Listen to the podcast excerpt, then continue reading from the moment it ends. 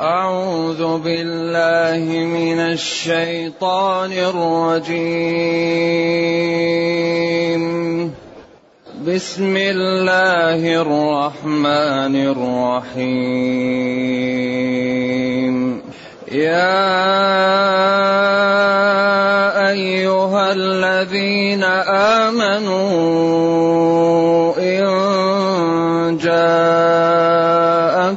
فاسق بنبأ فتبينوا إن جاءكم فاسق بنبأ فتبينوا فتبينوا أن تصيبوا قوما بجهالة فتبينوا أن تصيبوا قوما بجهالة فتصبحوا على ما فعلتم نادمين واعلموا أن فيكم رسول الله واعلموا أن فيكم رسول الله. واعلموا أن فيكم رسول الله لو يطيعكم في كثير من الأمر. لو يطيعكم في كثير من الأمر لعنتم. لو يطيعكم في كثير من الأمر لعنتم. ولكن الله حبب إليكم الإيمان.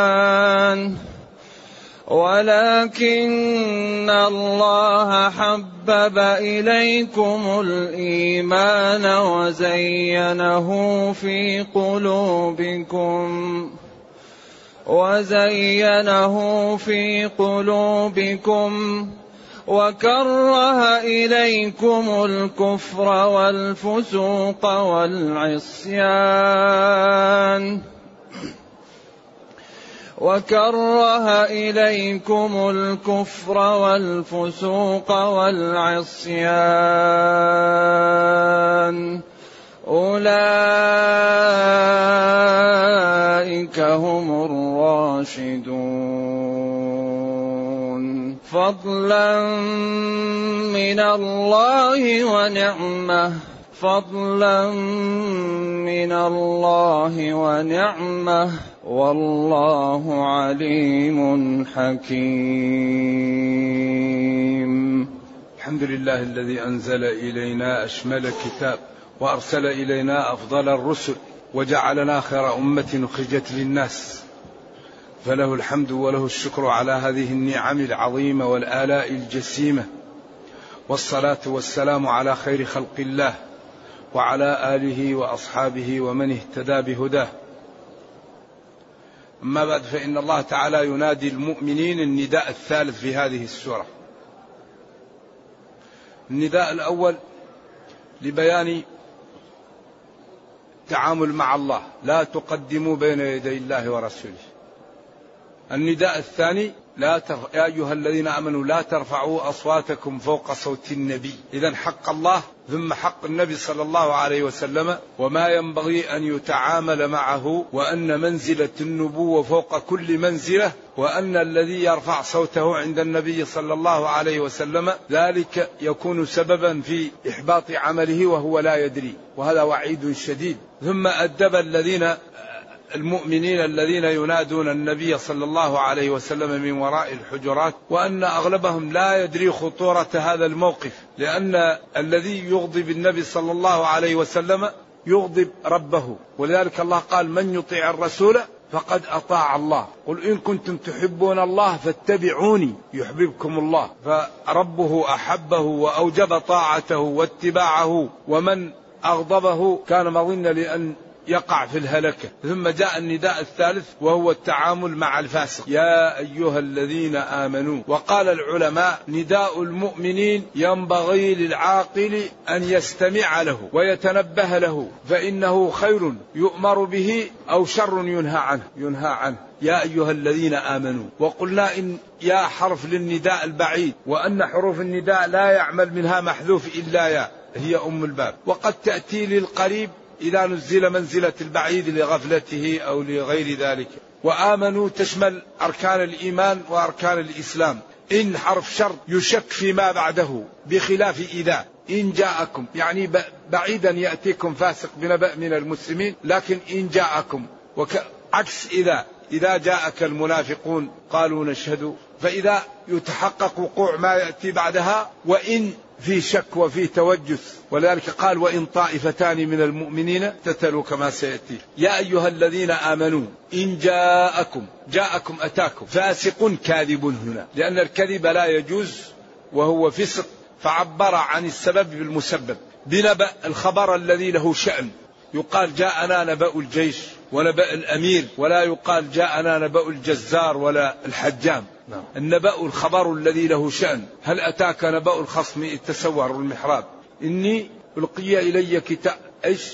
نبأ. عما يتساءلون عن النبأ العظيم. بالقيس التي قالت ماذا؟ بنبأ. الهدهد ماذا قال؟ وجئتك من سبأ بنبأ يقين. خبر له شأن. وهو هذه المرأة التي تعبد الشمس من دون الله وعند هذه القوة والملك.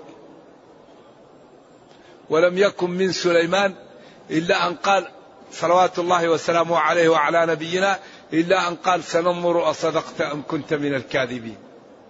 وهذا من قيمة العلم وفائدته أن هذا الطير الحقير لما تغيب وهدد جاء ووقف أمام سليمان وقفة الشجاع ونسب الإحاطة لنفسه ونفاها عن سليمان. إني أحطت بما لم تحط به فلم يكن من سليمان إلا أن قال سننظر. لذلك العلم يرفع. العلم يعز. إذا يا أيها الذين آمنوا إن جاءكم فاسق أي كاذب بنبأ أي بخبر له شأن فتبينوا. وفي قراءة خوين اللي هو الحمزة والكسائي أظن فتثبتوا. والتبين والتثبت قريب من بعض. أن تصيبوا أن وما دخلت عليه في تأويل مصدر إما مجرور باللام أو منصوب لأنه مفعول لأجله لئلا تصيبوا أو كراهة أو مخافة أن تصيبوا. إذا ينادي الله جل وعلا المؤمنين. ثم يبين لهم أنه إن جاءهم رجل كاذب فاسق فليتثبتوا في قبول القول ولا يتسرعوا بتنفيذ مضمون ذلك الخبر لأن ذلك قد يسبب للأمة أن يقعوا فيما يحسنهم ويوقعهم في العنة وفيما لا تحمد عقباه. وفي هذه وقفة خفيفة وهو أن منطوق الآية أن الفاسق لا يقبل قوله. ومفهوم الآية أن غير الفاسق يقبل قوله ولا يحتاج تثبت. طيب بما يكون الفسق؟ الفسق يكون بالمعصية الكذب المجاهرة بالمعاصي عقوق الوالدين تعامل بالربا ظلم الجيران واضطهادهم. تضييع الإنسان من يعول. كفى بالمرء إثما أن يضيع من يعول. رغم أنف من أدرك أحد والديه أو هما ولم يدخله الجنة. ولذلك لا تقبل إلا شهادة العدل. وأشهدوا ذوي عدل منكم.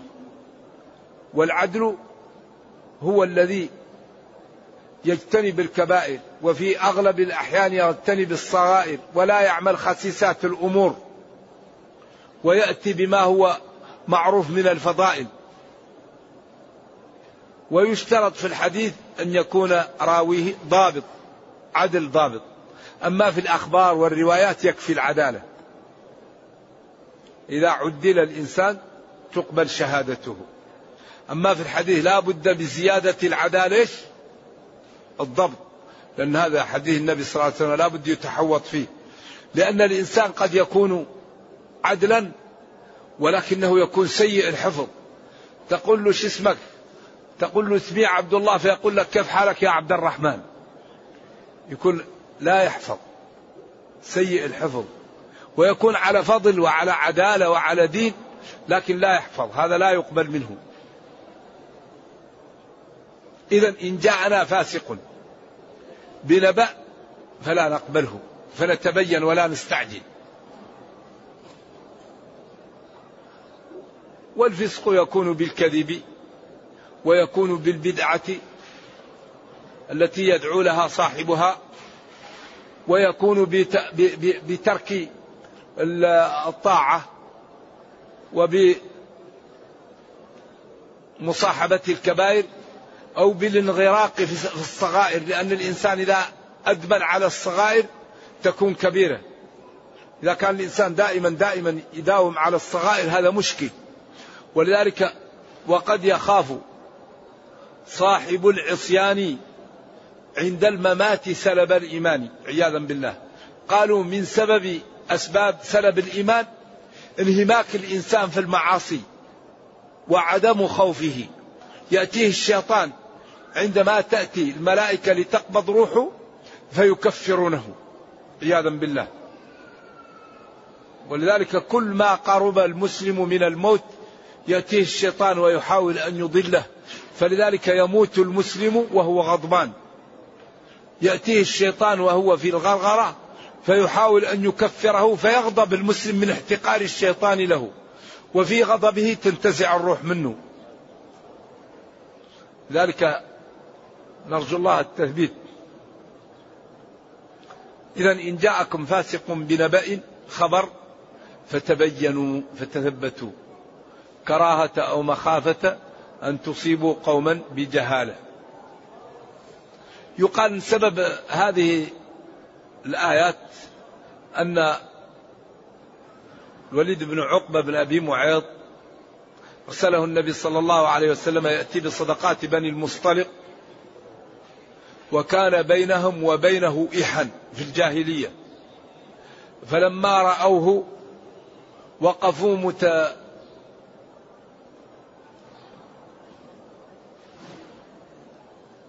متقدمين له ومستبشرين به ليعطوه الصدقات فخاف منهم أن يقتلوه. فرجع إلى النبي صلى الله عليه وسلم وقال له هؤلاء ارتدوا ومنعوا الزكاة منعوني الزكاة. فتهيأ النبي صلى الله عليه وسلم ليغزوهم.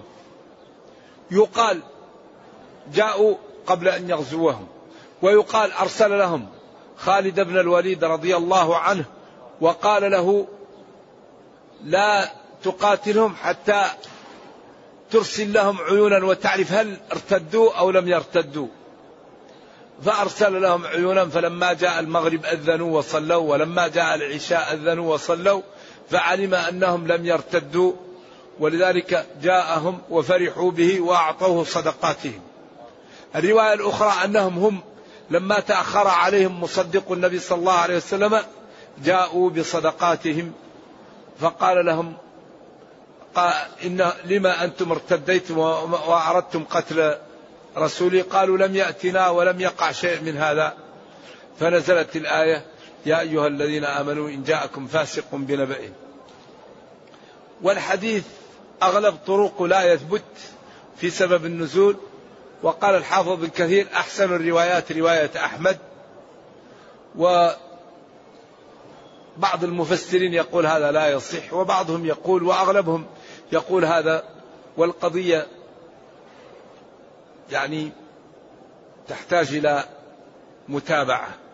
وفي الجملة الصحابة معدلون ولا يخرج من العدالة منهم إلا من ثبت أنه ارتد عن الإسلام أو فسوقه ولذلك الله قال وكلا وعد الله الحسنى وقال الله الله في أصحابي فلن يبلغ أحدكم مد أحدهم ولا نصيفه وقال وكلا وعد الله الحسنى ولما أراد أحد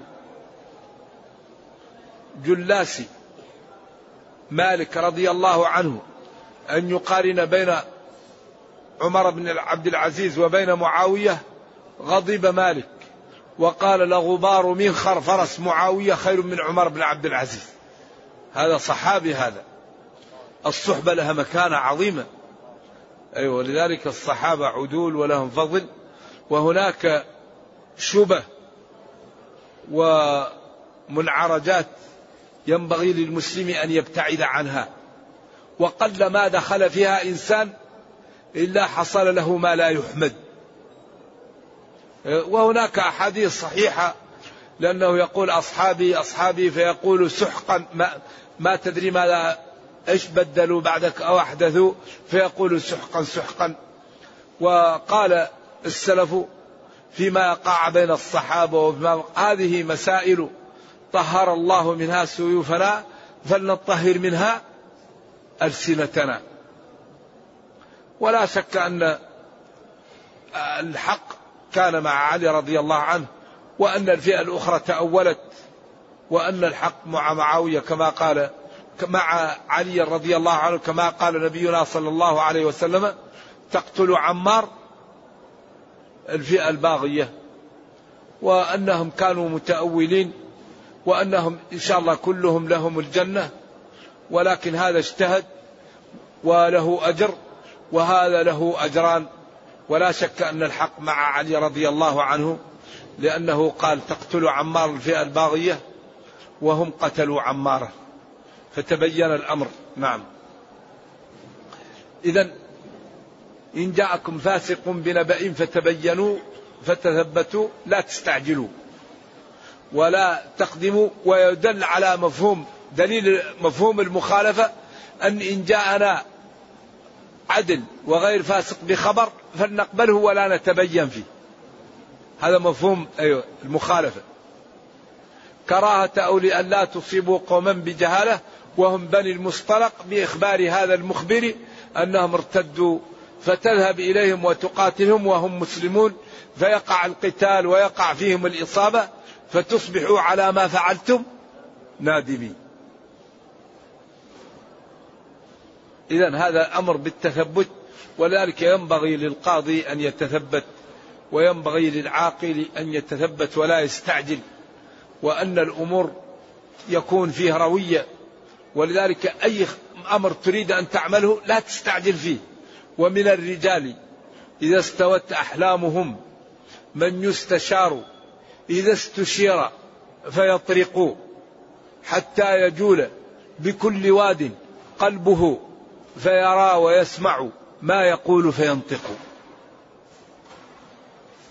أيوة دائما الرأي الذي لا لا يستعجل فيه يكون ناضجا وصائبا. والرأي الفطير الذي يقوله صاحبه من غير روية يكون دائما فيه خطأ. والعجلة من الشيطان. ولذلك قال فتبينوا. لا تستعجل. وبالأخص إذا كان الأمر فيه خطورة وفي عواقبه مسؤوليات. انتظر واستشر.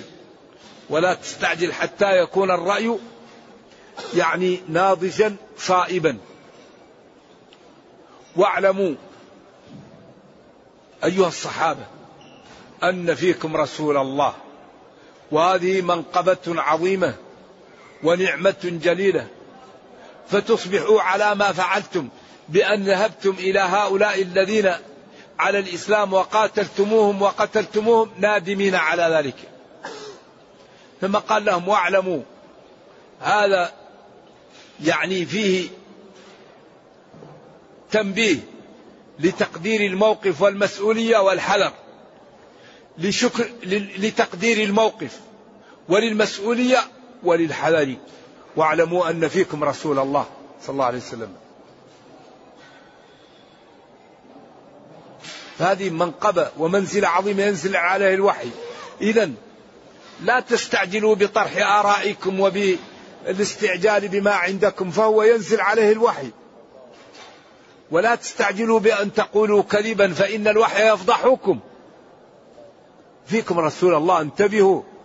فالأمر نعمة عظيمة ومسؤولية جليلة ومع ذلك انتبهوا حتى لا تفضحوا وحتى لا تقعوا في ورطة. وأيضا لا تتقدموا بين يدي الله وتأتوا بآرائكم فالله تعالى ينزل على نبيه ما فيه الخير وما فيه النفع والمصلحة ويدبر لكم الأمر. فاطمئنوا ولا تأتوا بآرائكم ولا تكذبوا. فإنكم إن كذبتم فضحكم الوحي وإن أتيتم بآرائكم ونبينا صلى الله عليه وسلم على خلق عظيم فقد يصيبكم العنت من ذلك لأنكم تأتوا برأي وتأتوا بشيء ونبينا صلى الله عليه وسلم على خلق وأدب فإن طاوعكم نالكم العنت من ذلك. واعلموا أن فيكم رسول الله. أن فيكم فيكم لا في غيركم رسول الله. أيوة قدم الخبر لأنه خطاب لهم أن فيكم رسول الله قبل الاسم. لو يطيعكم في كثير من الأمر الذي يريده بعضكم أو تريدونه لعنتم لحصلتم في المشقة والإثم. وفي النقص وفي الحرج اذا النتيجة امتثلوا وتأدبوا ولا تكذبوا ولا تعصوا فإن الوحي لكم بالمرصاد ووقوع النبي صلى الله عليه. صلى الله عليه وسلم بينكم نعمة عظيمة ينبغي أن تشكر وتقدر فتطمئنوا على أن ما يأتيكم إلا ما فيه الخير لكم في دنياكم وأخراكم فلا تكذبوا ولا تعصوا وامتثلوا وكلوا الأمر إلى الله وإلى نبيه صلى الله عليه وسلم فالله جل وعلا يعني يعلم ما لم يكن لو كان كيف يكون ونبيه ينزل عليه الوحي بصالحكم في دنياكم وأخراكم. ثم امتن عليهم وبين ما أعطاهم قال جل وعلا ولكن الله جل وعلا وحده حبب إليكم الإيمان تفضل عليكم بأن جعل قلوبكم تحب الإيمان وهذا امتنان من الله تعالى لأن إيصال الأمر للقلب من خصائص الربوبية. الهداية والإيمان لا يملكهم إلا الله. قال الله لنبيه إنك لا تهدي من أحببت ولكن الله يهدي من يشاء. ولكن بين أنه يعلم ويرشد ويوضح وإنك لتهدي إلى صراط توضح وتبين الحجة والمحجة وتقول إني نذير لكم بين يدي عذاب شديد. ألا هل بلغت اللهم فاشهد؟ لكن إدخال المعلومة في القلب هذا من خصائص الربوبية.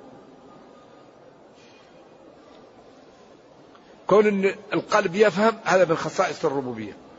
عمر رضي الله عنه قال ما سألت رسول الله صلى الله عليه وسلم عن شيء أكثر من الكلالة وإني أقول فيها برأيي هي ما عدا الوالد والولد قال أقول فيها برأيي وهو لما سأله كثير في البخاري ضرب, ضرب في كتفه وقال له تكفيك آية الصيف تكفيك آية الصيف. لعل آية الصيف ويستفتونك قل الله يفتيكم في الكلالة. إن امرؤ هلك ليس له ولد. هذا صريح في أن لا ولد له. وله أخت فلا نصف ما ترك. والأخت لا ترث النصف. لا مع الأب ولا مع الجد. فأصبح هي ما عدا الوالد والولد. قال هو أقول فيها برأيي لأن الكلالة تقول تقال للمال. وللوارث وللمورث مال كلالة ووارث كلالة وموروث كلالة. فلما كانت مشتركة لعل هذا الذي سبب له ذلك والله أعلم. وفاطمة الزهراء رضي الله عنها وصلى وسلم على أبيها جاءت لأبي بكر وقالت له أعطيني ميراثي من أبي رضي الله عنها.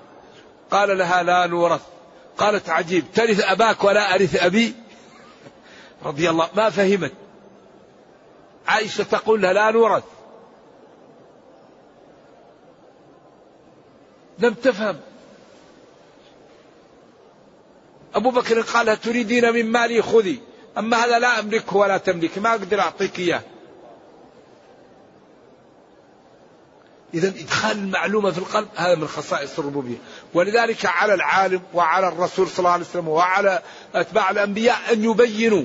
أما كون أن الإنسان يفهم وما يفهم هذا من الله. إدخال المعلومة في القلب هذا لا يملكه إلا الله.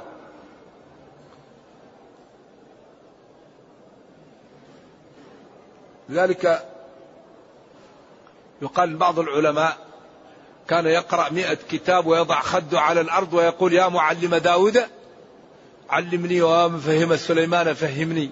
يذكر هذا عن الشيخ الإسلام بن تيمية رحمة الله علينا وعليه الله أعلم بصحة هذا. ولذلك ومن الدعاء وعلمنا ما ينفعنا وزدنا علما. نعم. وقل رب زدني علما. ولكن الله تعالى تفضل على هؤلاء فحبب إليهم الإيمان. وهو هنا أركان الإيمان الستة وأركان الإسلام الخمسة. وزينه في قلوبكم. أي حبب إليكم الإيمان وزينه في قلوبكم. هذا خطاب مباشر. كرامة ونعمة. وكره إليكم. أنواع المعاصي الثلاثة. الكفر والفسوق كبيرة. والعصيان قال بعض العلماء هنا إن المقصود به الصغيرة. كره إليكم أنواع المعاصي. سواء كفرا أو كبيرة غير مكفرة أو صغيرة. كل أنواع المعاصي. كما قال جعلها رتبا ثلاثة القرافي في فروقه. نعم. اذا هذه نعمة عظيمة على الصحابة أن الله تعالى تفضل عليهم وكره إليهم جميع أنواع المعاصي سواء كفرا أو كبيرة أو صغيرة. أولئك هم الراشدون لا من يكذبون أو لا يمتثلون أو يعصون. أولئك هم الراشدون. هؤلاء الذين حبب إليهم الإيمان وزين في قلوبهم وكره إليهم الكفر والفسوق هؤلاء هم الراشدون. والراشدون جمع راشد. والراشد الذي يكون مستقيما على بصيرة من أمره وقويا في الحق جلدا فيه من الرشادة أو الر... وهو الصخرة القوية. الراشدون جمع راشد وهو الذي يكون على الحق على بصيرة وفهم وتصلب ما أي واحد يقول له أترك يترك. لا. ولذلك المتقي يكون لين لكن هذا اللين تحت تحته صلابة وقوة. لين مع إخوانه. في الأدب والخلق لكن إذا قال معاصي لا. لا. أراد واحد يغتاب لك الناس قل له لا تغتاب للناس. أراد واحد يمشي بك لمجلس شيء قل له لا أذهب. أراد واحد يدخل فيك محل في معصية قل له لا. الراشدون جمع راشد وهو الذي يتمسك بالحق ويتمسك منه على قوة فيه وعدم تزحزح عنه. فضلا من الله ونعمة. إيش اعراب فضلا من الله ونعمة. يمكن يجوز فيها إعرابان. ما لكم صحبة مع سيبويه؟ لا بد أن نقوي العلاقة بسيبويه لأن التفسير هذا ضروري له النحو وعلوم العربية نحتاجها في التفسير. لأنه بلسان عربي مبين. يمكن نقول فضلا أي تفضل بذلك تفضلا أو أولئك هم الراشدون لما لا لأجل تفضل الله وإنعامه عليهم. يمكن فضلا تكون مصدر أو مفعول لأجله. والله عليم بنياتكم حكيم في تشريعه. وهذه السورة الحقيقة تسمى سورة الآداب.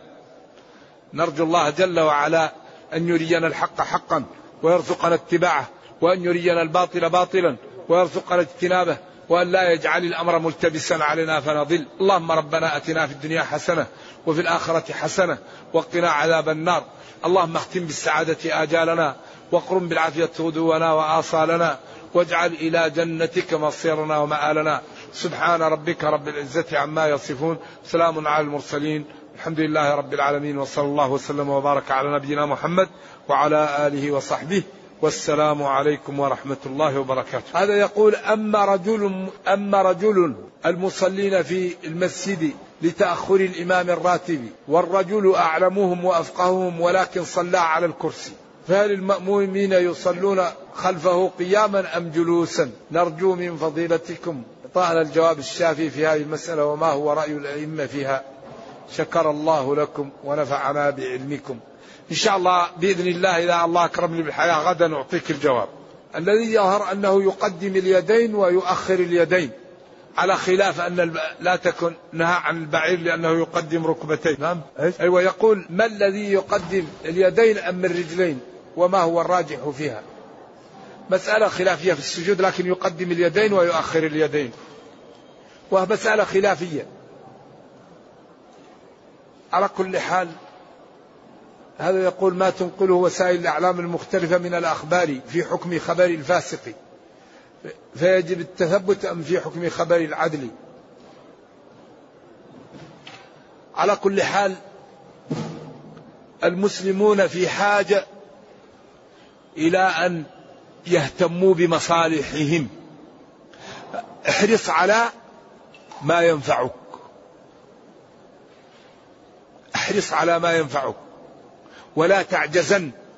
سر ولا تقل لو أني فعلت وفعلت. المؤمن القوي خير وأحب إلى الله من المؤمن الضعيف. احرص على ما ينفعك. احرص على ما ينفعك. لذلك ينبغي لنا أن نحرص على العلم وعلى التقى.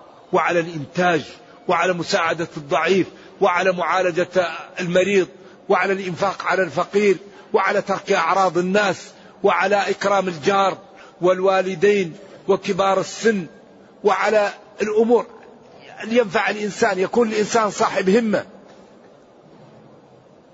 إيش اللي يميز الناس الآن؟ ما الذي يميز الناس؟ في واحد فاضل وفي واحد مفضول. في واحد شريف في واحد وضيع في واحد عدل في واحد مجروح. الذي يميز الناس الصفات الحميدة. لماذا كان نبينا صلى الله عليه وسلم أفضل البشر. لأن الله تعالى حباه بخلق لا يوجد عند أحد. قال تعالى وإنك لعلى خلق عظيم أعطاه الشجاعة وأعطاه الكرم وأعطاه الفضل وأعطاه الحلم وأعطاه التؤدة وأعطاه الجمال وأعطاه حسن النسب وأعطاه حسن الصورة وأعطاه النبوة. أكرمه. ولكن الله يمن على من يشاء من عباده. لكن نحن نتعرض للخير. لا نغتاب الناس. لا نظلم الناس. لا نرابي. لا ننمم. لا نظلم جيراننا. لا نضيع ما يجب علينا. لذلك الآن لو تتأملوا لو تتأملون في من أفضل الناس ستجدون أنه أكثر الناس تعب للناس. الآن لو تجي لخاطرك فيما هو أفضل ممن من تعرف من الناس. تجد أن الذي هو فضيل من يبذل للناس من وقته وماله وجاهه وعرضه. الذي يبذل للمسلمين من ماله. ووقته وجاهه وعرضه يكون أفضل الناس. وتجد أتفه الناس الذي يحافظ على كل ما له لا يحاول أن يساعد أحدا. تجد أنه لا قيمة له ولا يعبأ به. إذا الإنسان يبذل.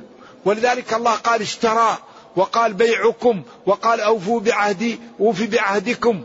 والشاعر قال لولا المشقة ساد الناس كلهم. الجود ما لا يفعل يفقر والإقدام قتال والسؤدد من حصر في النفس والمال. لا ثالث له. لو كان في شيء يبذل للجنة. إن الله اشترى من المؤمنين أنفسهم وأموالهم بأن لهم لو في شيء غير النفس والمال لدفع للجنة. لأنها أغلى ما يملك الإنسان ويناله. فلذلك لا بد أن نهتم بما يقوينا ويرفعنا ويعزنا ونبتعد عما يضعفنا ويقوضنا ويسبب لنا تسلط. الأعداء علينا. أفضل وقت يقوم فيه الإنسان الليل ثلث الليل الأخير. ويقرأ بتوأدة والذي يستطيع ويتأمل الآيات. وإذا أشكل له شيء رجع له بعد القراءة بعد بعد انتهاء الصلاة. يقرأ الآيات. بصوت لا يزعج أهل البيت ويسمع نفسه. ولا تجهر بصلاتك ولا تخافت بها. وصل ما قدر الله لك. نعم. وما زاد النبي صلى الله عليه وسلم في رمضان ولا في غيره على إحدى عشرة ركعة. يصلي أربعا فلا تسأل عن حسنهن وطولهن. ثم يصلي أربعا فلا تسأل عن حسنهن وطولهن. ثم يوتر بثلاث. يسلم أحيانا بينهما وأحيانا يجمعهما. صلوات الله وسلامه عليه. هل يجوز حضور زفاف فيه الدف فقط؟ نعم يجوز. وينبغي للإنسان أن لا يقطع إخوانه. والدف مباح في العرس. لا أعلم خلاف في الدف في العرس. ما حكم تهنئة النصارى في أعيادهم؟ لا أرى أن هذا ينبغي ولا ي... ولكن ولا أرى أن النصارى تهنأ في أعيادها. ويمكن الواحد يسأل اللجنة الدائمة للإفتاء يمكن عندها شيء لأنهم عندهم فريق يبحث لهم هذه القضايا.